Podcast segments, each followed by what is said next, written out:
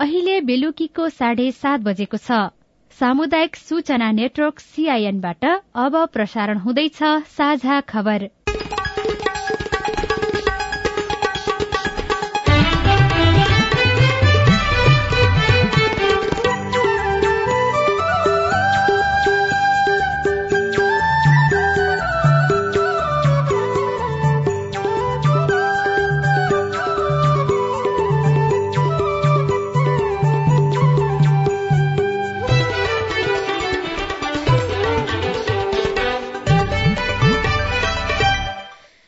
सीआईएनको साझा खबरबाट सोभिता रिसालको नमस्कार। साझा खबर देशभरिका सामुदायिक radio CIN Khabar dot com र मोबाइल एप सीआईएनमा पनि सुन्न सकिन्छ।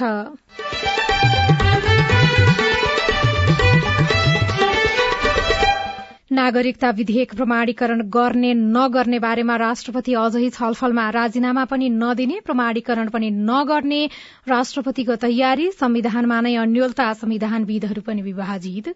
निष्क्रिय भएको विधेयक मानेर राष्ट्रपति प्रमाणीकरण नगर्ने अथवा के गर्ने भन्ने कुरा अब हेरौँ। आज राति बाह्र बजीसम्म उहाँले निर्णय गर्नुहुन्छ होला। राजनीतिक दलहरू प्रत्यक्षतर्फको उम्मेद्वार छनौट गर्दै एमाले सोह्र गते भित्रै टुङ्गो लगाउने स्थानीय तहका एक लाख तेइस हजार बढ़ी उम्मेद्वारले निर्वाचन खर्च विवरण बुझाएनन्। कार्यवाही गर्ने तयारीमा आयोग। अहिले हालको पदमा भएको कोही पदाधिकारी छ भने उहाँहरूको पद स्वत समाप्त हुन्छ। अनि अर्को छ वर्षसम्म उहाँ निर्वाचनमा भाग लिन पाउनुहुन्न। यौनजन्य अपराधका आरोपितको नाम गोप्य राख्न माग गर्दै सर्वोच्चमा रिट दर्ता। भदौमा दुई अर्ब बयालिस करोड़को विद्युत निर्यात एक गाउँ एक कृषि प्राविधिक योजना कार्यान्वयनमा मुस्किल। भन्ने बेला अब एक गाउँ एक प्राविधिक बनियो। टमाटरमा रोकिराहरू लागे अब काउलीमा लागे अब भनौँ न सरकारी बालीमा। त्यसरी तत्कालै आउने त्यस्तो छैन। र म्यानमारको एउटा विद्यालयमा आक्रमण हुँदा एघार बालबालिकाको मृत्यु पन्ध्र जना बेपत्ता।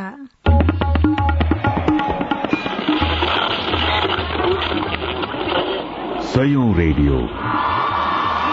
हजारौं रेडियो कर्मी र करोड़ौं नेपालीको माझमा यो हो सामुदायिक सूचना नेटवर्क सीआईएन स्थानीय तहको चुनावमा खर्च विवरण नबुझाएका उम्मेद्वारलाई निर्वाचन आयोगले जरिवानाको तयारी गरेको छ तर उम्मेद्वार धेरैलाई खर्च विवरण नबुझाएको आधारमा जरिवाना नै होला भन्ने जानकारी थिएन। अब संघ र स्थानीय तहको निर्वाचन नजिकिँदै गर्दा चुनावमा उठ्न चाहने उम्मेद्वार तथा राजनैतिक दलले निर्वाचन आचार संहिता ध्यान दिएर बुझ्नुपर्ने देखिएको छ। साथै उम्मेद्वारलाई सम्पूर्ण चुनावी प्रावधान र प्रक्रिया बुझाउन आयोगले पनि पहल गर्नुपर्नेछ।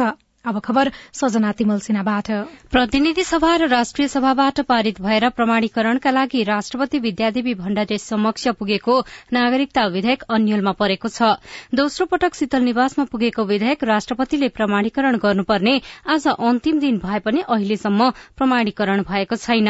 राष्ट्रपति भण्डारीले विशेष गरी अंगीकृत नागरिकता र सो घोषणाको बारेमा असहमति राख्दै संशोधन गर्न आग्रह सहित संसदमा पठाइदिनु भएको थियो। आज अन्तिम दिन अब कसरी अगाडि बढ़न सकिन्छ भन्ने बारेमा राष्ट्रपति भण्डारीले सरकारवालासँग छलफल गर्नु भएको छ। उहाँले हिजो प्रधानमन्त्री शेरबहादुर देउवासँग पनि यसबारेमा छलफल गर्नु भएको थियो। आज राति बाह्र बजेसम्म प्रमाणीकरणको लागि समय भएको भए पनि राष्ट्रपति भण्डारीले प्रमाणीकरण गर्ने नगर्ने बारेमा अन्यलता छ। संसदको कार्यकाल अन्त्य भइसकेको अवस्थामा संसदले पठाएका विधेयक निष्क्रिय हुने संवैधानिक प्रावधान अनुरूप राष्ट्रपति भण्डारीले प्रमाणीकरण नगरेमा पनि अनौठो नहुने संविधानविदहरू बताउँछन्। सीआईएनसँग कुराकानी गर्दै संविधानविद डाक्टर भीमार्जन आचार्य जटिल प्रश्न चाहिँ के खडा भयो भने अहिलेको संविधानको धारा एक सय एघारको उपधारा दस यहाँले हेर्नु हो भने संसदको कार्यकाल अन्त्य भइसकेपछि संसदमा रहेका सबै विधेयकहरू निष्क्रिय हुने भन्ने व्यवस्था छ। अब त्यसको अर्थ अस्ति एक गतेबाट त्यो मनोनयनको मितिलाई आधार बनाएर संसदको कार्यकाल अन्त्य भएको मानिएको छ। अब अन्त्य भइसकेपछि विधेयक चाहिँ निष्क्रिय हुन्छ। अब त्यो निष्क्रिय भएको विधेयक मानेर राष्ट्रपति प्रमाणीकरण नगर्ने अथवा के गर्ने भन्ने कुरा अब हेरौँ। आज राति बाह्र बजीसम्म उहाँले निर्णय गर्नुहुन्छ होला। म केही जटिलताहरू देख्छु अहिलेको समयमा। राष्ट्रपतिले प्रमाणीकरण नगरेको खण्डमा चाहिँ हामी राजनैतिक रूपमा केही निर्णय गर्छौं भनेर सत्ता पक्षका दलहरूले भनिराखेको अवस्था छ। त्यस्तो केही निर्णय हुन सक्ने हामीले पूर्वानुमान गर्न सक्छौ। संविधानले त्यस्तो खालको केही व्यवस्था कतै न कतै दिएको छ। अब त्यसको चाहिँ अब अहिलेको संविधानमा राष्ट्रपति र सरकारको बीचमा कुनै द्वन्द उत्पन्न भयो राष्ट्रपति र संसदको बीचमा कुनै असहमति द्वन्द उत्पन्न भयो अनि एकले अर्कालाई बदलावको भागमा केही क्रिया प्रतिक्रियाहरू प्रतिशोधहरू सजाय आदि इत्यादिमा यदि जाने भए भने अब तिमीले यस्तो गर्यो तिमी माथि पनि हामी चुप लागेर बस्नु भनेर यदि संसद र सरकारले सोच्ने हो भने। संविधानमा लेखेको कुरा चाहिँ महाभियोग हो। अब तर महाभियोग लाउनको लागि अहिलेको संसदको कार्यकाल नै समाप्त भयो हुनाले अब त्यो सम्भावना भएन। त्यसैले मलाई लाग्छ राजनीतिक एउटा मुद्दा बनाएर अब यसमा राष्ट्रपतिले नगर्नुपर्ने यस्तो काम गर्नु उसो गर्नु भन्ने त्यो एउटा वक्तव्यबाजी भाषण गर्नेदेखि बाहेक अरू कानून र संविधान बमोजिम संसद वा सरकारले केही गरिहाल्न सक्ने अवस्था चाहिँ मैले देख्दिनँ। यसबारेमा संविधानविद र राजनैतिक दलहरू पनि विभाजित भएका छन्। यसैबीच नागरिकता विहीन संघर्ष समिति नेपालले भने नागरिकता विधेयकलाई प्रमाणीकरण गर्नुपर्ने माग राख्दै माइतीघरमा प्रदर्शन गरेको छ। निर्वाचन आयोगले स्थानीय तहको निर्वाचनमा भाग लिएर खर्च विवरण नबुझाएका उम्मेद्वारमाथि कार्यवाही प्रक्रिया शुरू गरेको छ। आयोगले गत साउन एकतीस गते विज्ञप्ति जारी गर्दै अहिलेसम्म निर्वाचन खर्चको विवरण नबुझाउने एक लाख पन्ध्र हजार एक सय एकतीस जना र तोकिएको समय अवधिमा ढिलो गरी निर्वाचन खर्चको विवरण बुझाउने आठ हजार छ सय बाहन्न जना समेत गरेर एक लाख तेइस हजार सात सय त्रियासी जना उम्मेद्वारमाथि कार्यवाही प्रक्रिया अघि बढ़ाएको जनाएको छ। तर आयोगको यो निर्णय प्रति कतिपय उम्मेद्वारहरूले भने आपत्ति जनाएका छन्। निर्वाचन खर्च विवरण बुझाउनै पर्छ भनेर थाहा नभएको बताउँदै उनीहरूले निर्वाचन खर्च नबुझाउने समेत बताएका छन्। तर आयोगले भने निर्वाचन खर्च नबुझाउने उम्मेद्वारहरूले निर्वाचन खर्च नबुझाए कानून अनुसारको प्रक्रिया अगाडि बढ़ाइने बताएको छ। सीआईएनसँग कुराकानी गर्दै आयोगका प्रवक्ता शालिग्राम शर्मा पौडेलले आगामी छ महिनासम्म तोकिएको जरिवाना रकम नबुझाए सरकारी बाँकी सरह असुल गर्नका लागि केन्द्रीय कार्यालयमा पत्र लेख्ने बताउनुभयो। बुझाएनन् भने त तपाईँको अहिले हालको पदमा भएको कोही पदाधिकारी छ भने उहाँहरूको पद स्वत समाप्त हुन्छ। अनि अर्को छ वर्षसम्म उहाँ निर्वाचनमा भाग लिन पाउनुहुन्न। र यो सरकारी बाँकी सरह असुल गर्नका लागि तपाईँको केन्द्रीय तहसिल कार्यालयमा आयोगले लेखेर पठाउँछ। कतिपय उम्मेद्वार तथा निर्वाचित हुनुभएका जनप्रतिनिधिहरूले चाहिँ निर्वाचन खर्च विवरण बुझाउनु पर्छ भनेर थाहै थिएन। एकाएक निर्वाचन आयोगले चाहिँ हामीलाई यसरी कार्यवाही गर्यो गर्न लाग्यो भनेर पनि गुनासो गरिरहनु भएको छ नि। अब कानूनको अज्ञानता क्षम्य हुँदैन। तपाईँ हामीले कुनै गल्ती गर्यौं अनि ए यो गल्ती त मलाई कानून थाहा थिएन र गरेको भनेर तपाईँलाई मलाई पुलिसले छोड्छ। बस कुरा यही हो है। कानून मात्रै हो र। उहाँले मनोनयन गर्दा पेश गरेको सो घोषणामा उहाँले मैले गरेको निर्वाचन खर्च तिस दिन भुक्तान भएपछि पेश गर्नेछु भनेर लेखेर सही छाप पनि गर्नुभएको छ। निर्वाचन आयोग ऐन दुई हजार त्रिहत्तरको दफा छब्बीसमा समयमा निर्वाचन खर्च विवरण नबुझाउने उम्मेद्वारहरूलाई जरिवानाको व्यवस्था गरिएको छ। यस्तै दफा पच्चीसको एक नम्बर बुदामा उम्मेद्वारहरूले निर्वाचन खर्चको विवरण पेश गर्नुपर्ने व्यवस्था रहेको छ।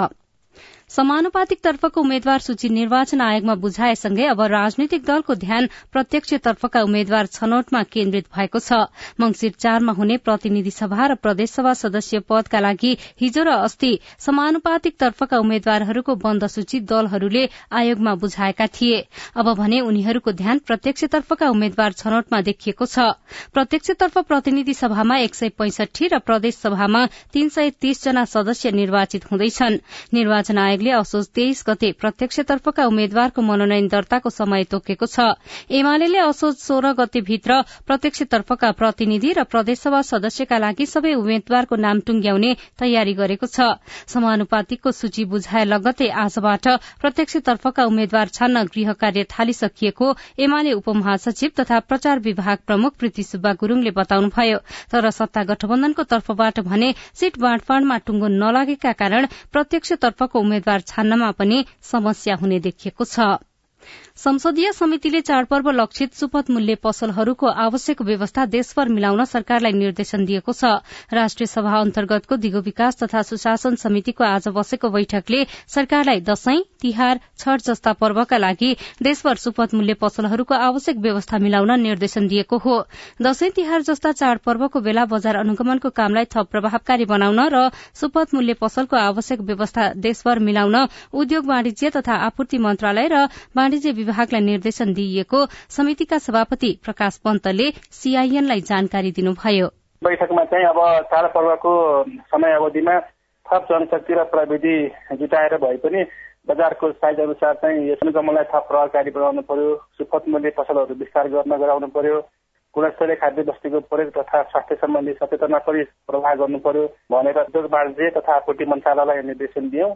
यसै गरी यात्रु सहायता कक्षाहरू विस्तार गर्ने कुरा त्यसलाई व्यवस्थित गर्ने कुरा सचेतनामूलक सूचना प्रवाह गर्ने कुरा अनि यातायातमा तोकेको भाडा भन्दा बढी लिन नपाउने गरी त्यसको व्यवस्था गर्ने कुरा भौतिक पूर्वाधार तथा यातायात व्यवस्था मन्त्रालयलाई निर्देशन दिइयो। मादक पदार्थहरूको बिक्री वितरणमा नियन्त्रण गर्ने रोक लगाउने कुरा ट्राफिक व्यवस्थालाई थप व्यवस्थित प्रभावकारी बनाउने कुरा अनि यात्रु वाहक सवारी साधनहरूमा चाहिँ सिट क्षमताभन्दा बढी यात्रु चढाउन नहुने कुरा बजारमा सामानको कृत्रिम अभाव हुने र कालाबजारी बढ्ने कुराहरूलाई नियन्त्रण गर्ने कारवाही गर्ने कुरामा चाहिँ गृह मन्त्रालयलाई हामीले चाहिँ निर्देश दियौँ आज।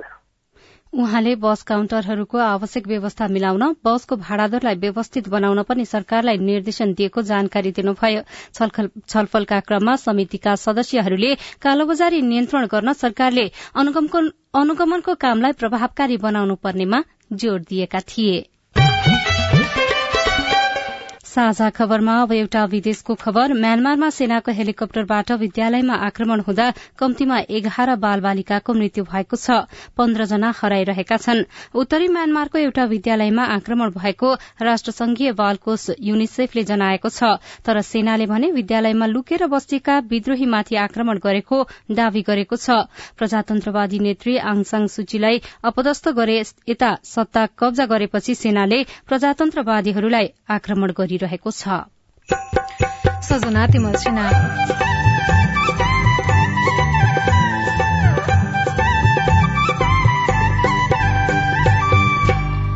पालिकाहरूबीचको सिकाई आदान प्रदान प्रभावकारी?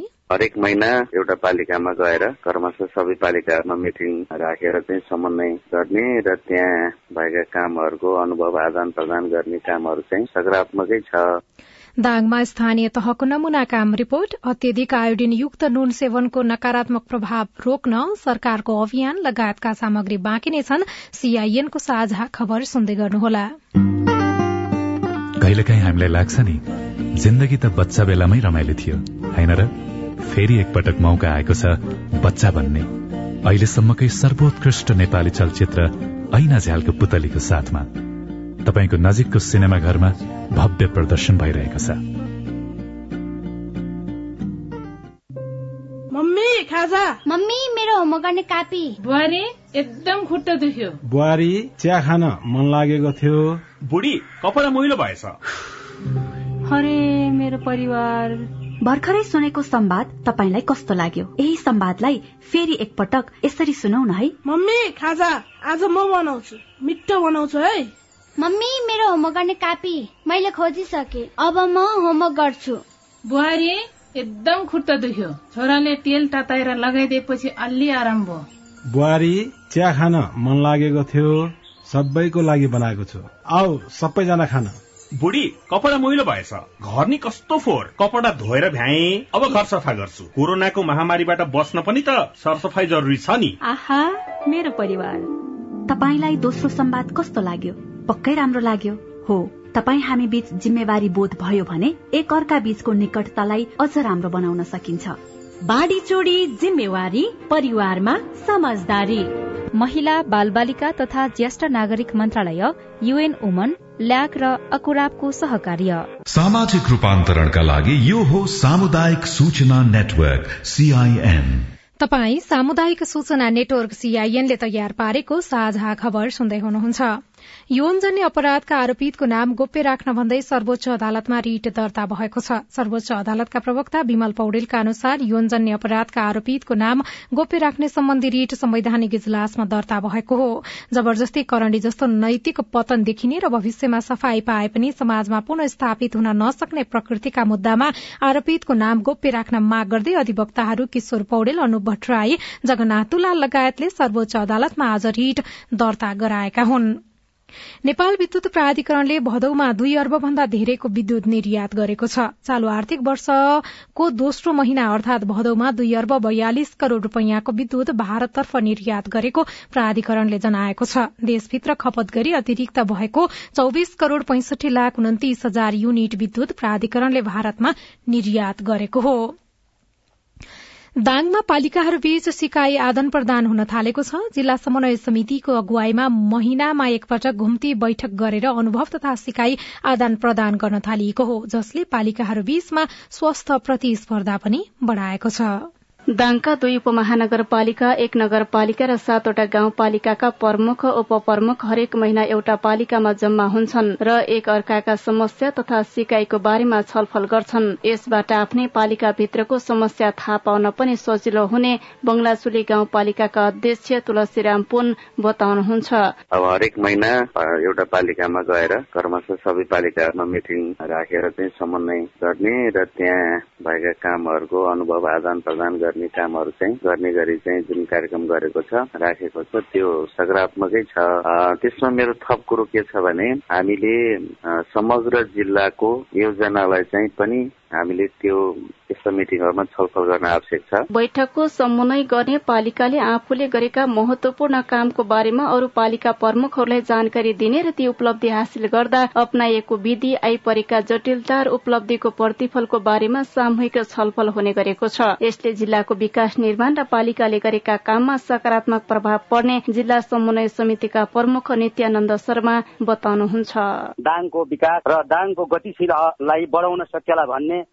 किसिमले यो सुरुवात गरिएको छ। यो अत्यन्त राम्रो भएको छ। बैठकमा पालिकाले काम गर्दा परेका अप्ठ्यारा एवं सुरक्षा निकायसँग सम्बन्धित विषयमा पनि छलफल हुने भएकाले उठेका विषय तत्काल सम्बोधन गर्न सकियोस् भनेर प्रमुख जिल्ला अधिकारी र जिल्ला प्रहरी प्रमुखलाई पनि बोलाउने गरिएको छ। यस्तो छलफल र अनुभव आदान प्रदानबाट कार्य सम्पादनमा राम्रो प्रभाव पार्छ भन्नुहुन्छ दाङका प्रमुख जिल्ला अधिकारी हिरालाल रेग्मी।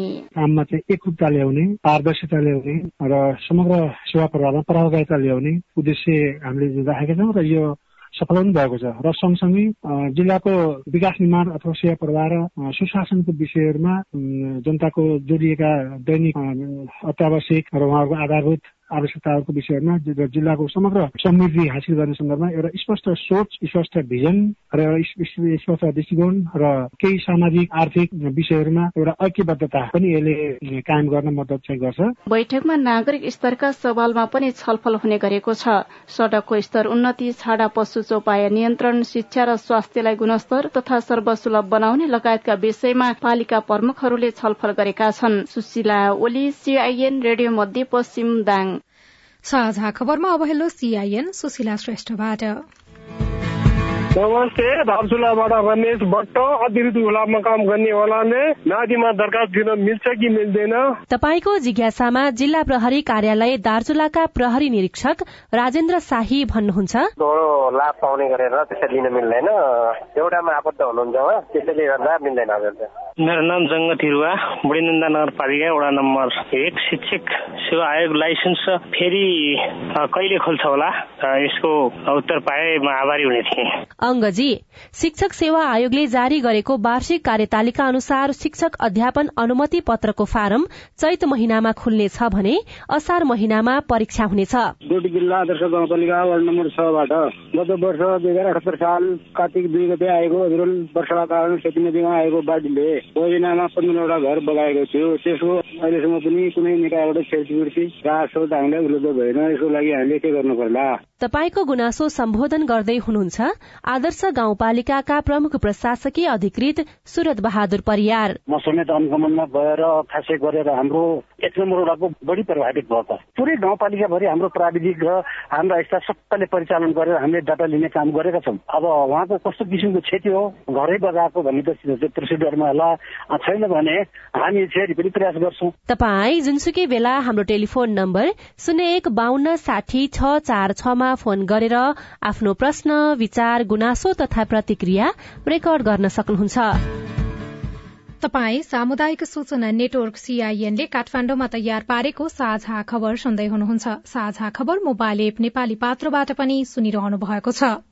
अत्याधिक आयोडिन युक्त नुनको नकारात्मक प्रभावबारे उपभोक्ता बेखबर बिरामी भएर गइयो भने कहिले काहीँ यति खानुहोस् भनेर डाक्टरले भनेको कहिले थाहा पनि छैन सोध्दा सोधियो छैन नि आजसम्म त त्यस्तो कुरा सरकार सचेतनाको अभियान चलाउँदै रिपोर्ट एक गाउँ एक कृषि प्राविधिक योजना कार्यान्वयनमा आएन। लगायतका विशेष सामग्री बाँकी नै छ। सीआईएनको साझा खबर सुन्दै गर्नुहोला। बालबालिकालाई लगाउँदै गरेको खोपमा चाहिँ बालबालिकाहरू कहाँ गएर लगाउनु पर्ने र खोप लगाउन जाँदा के के लिएर जानु पर्ने त्यसबारे बताइदिनुहोस् न। मेरो जिज्ञासा के छ भनेपछि हामी विद्यार्थीहरू एकदमै जोखिममा छौँ तर पनि हामीहरूले समयमा खोप उपलब्ध हुन सकेको छैन।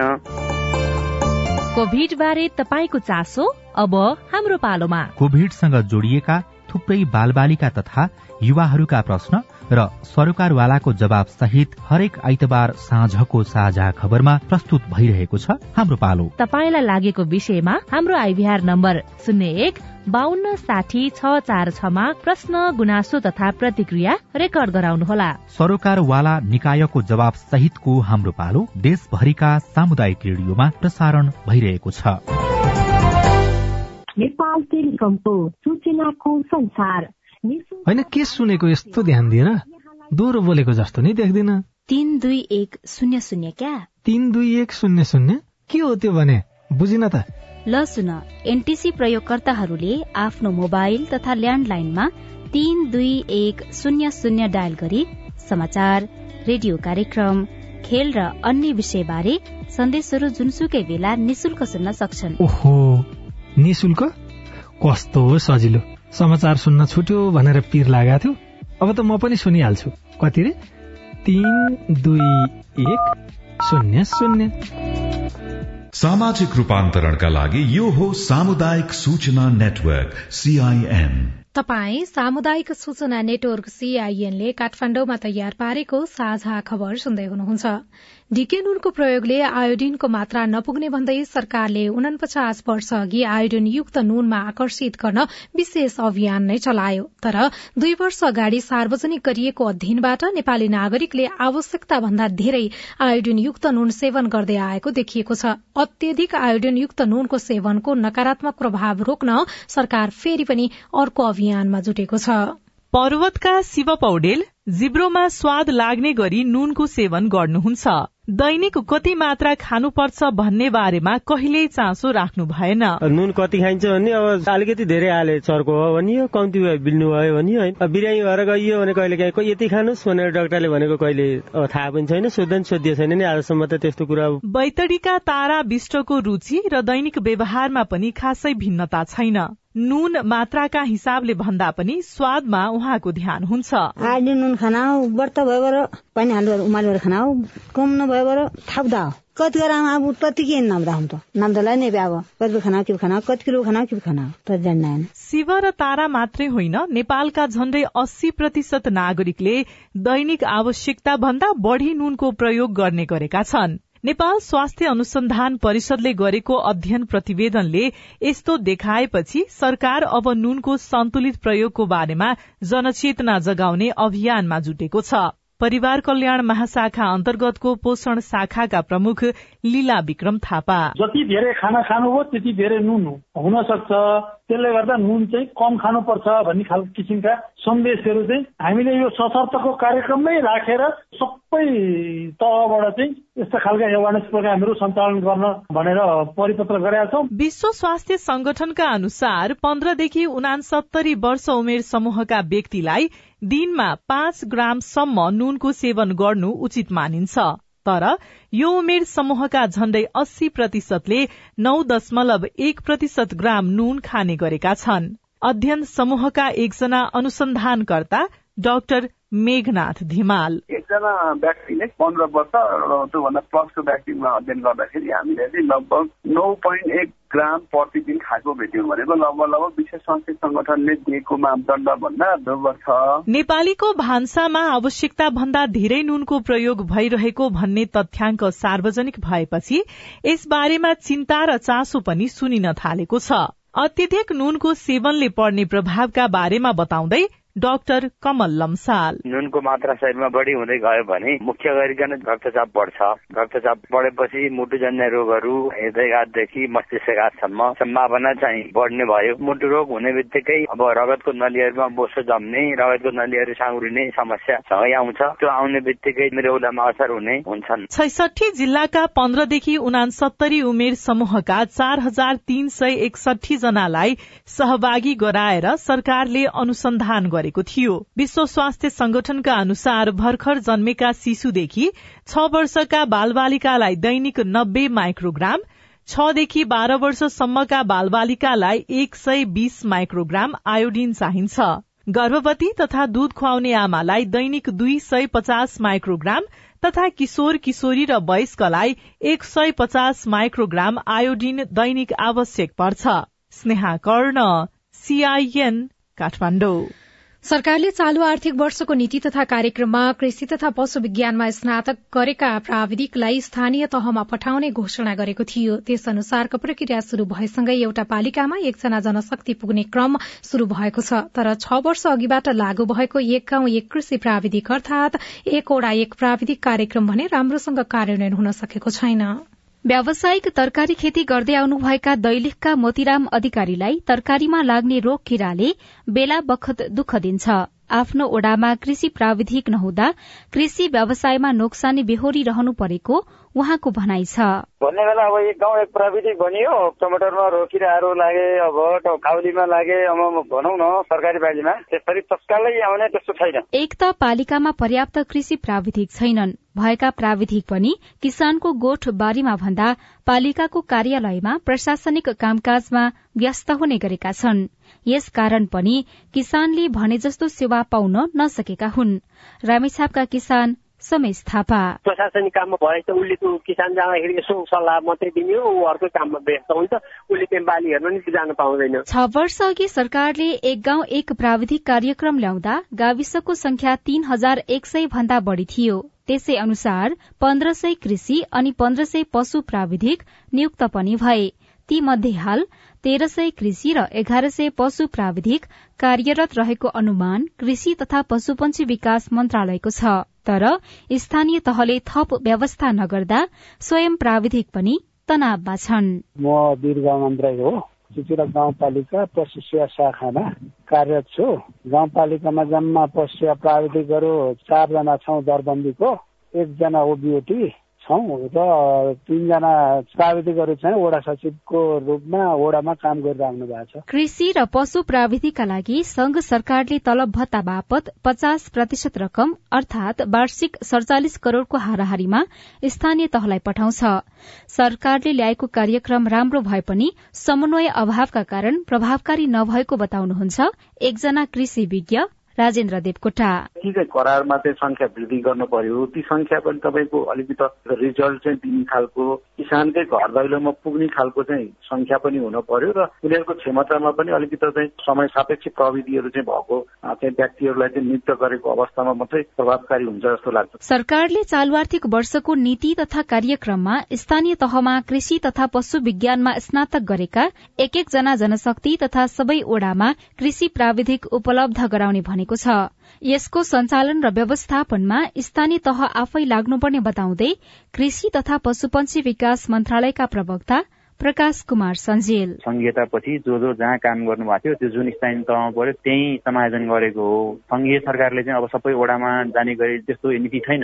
अब स्थानीय तहले आवश्यक ठान्छ भने आफ्नो साधन स्रोतबाट व्यवस्थापन गर्नुपर्ने हुन्छ। तल्लो तहको कृषि प्राविधिकहरू चाहिँ अब जे जति छन् त्यसलाई पनि अब आगामी वर्षहरूमा के गर्ने भन्ने छलफल भइरहेको छ। अहिले पनि करिब पच्चिस सयको संख्यामा कृषि तथा पशु प्राविधिक स्थानीय तहमा कार्यरत छन् तर ओडाको संख्या भने छ हजार सात सय त्रिचालिस छ। यसो हुँदा किसानको माग धान्नका लागि पनि प्राविधिकको संख्या थप्नुपर्ने जानकारहरू बताउँछन्। उषा तामाङ सीआईएन काठमाडौँ। नागरिकता विधेयक प्रमाणीकरण गर्ने नगर्ने बारेमा राष्ट्रपति विद्यादेवी भण्डारी अझै पनि छलफलमा रहनु भएको छ तर राजीनामा पनि नदिने र प्रमाणीकरण पनि नगर्ने उहाँले तयारी गरिरहनु भएको बुझिएको छ। संविधानमा पनि अन्यलता देखिएको छ संविधानविदहरू पनि विभाजित भएका छन्। राजनीतिक दलहरू प्रत्यक्षतर्फको उम्मेद्वार छनौट गर्ने तयारीमा जुटेका छन्। नेकपा एमाले सोह्र गते भित्रै टुङ्गो लगाउने भएको छ। स्थानीय तहका एक लाख तेइस हजार बढ़ी उम्मेद्वारले निर्वाचन खर्च विवरण बुझाएका छैनन्। कार्यवाही गर्ने तयारीमा निर्वाचन आयोग लागिरहेको छ। यौनजन्य अपराधका आरोपितको नाम गोप्य राख्न माग गर्दै सर्वोच्च अदालतमा रिट दर्ता भएको छ। भदौमा दुई अर्ब बयालिस करोड़को विद्युत निर्यात भएको छ र एक गाउँ एक कृषि प्राविधिक योजना कार्यान्वयनमा जटिलता देखिएको छ। हवस् आजलाई साझा खबरको समय सकियो। प्राविधिक साथी सुरेन्द्र सिंहलाई धन्यवाद। भोलि असोज पाँच गते बिहान छ बजेको साझा खबरमा फेरि भेटौँला। अहिलेलाई सोभिता रिसाल पनि विदा हुन्छु। नमस्कार शुभरात्री।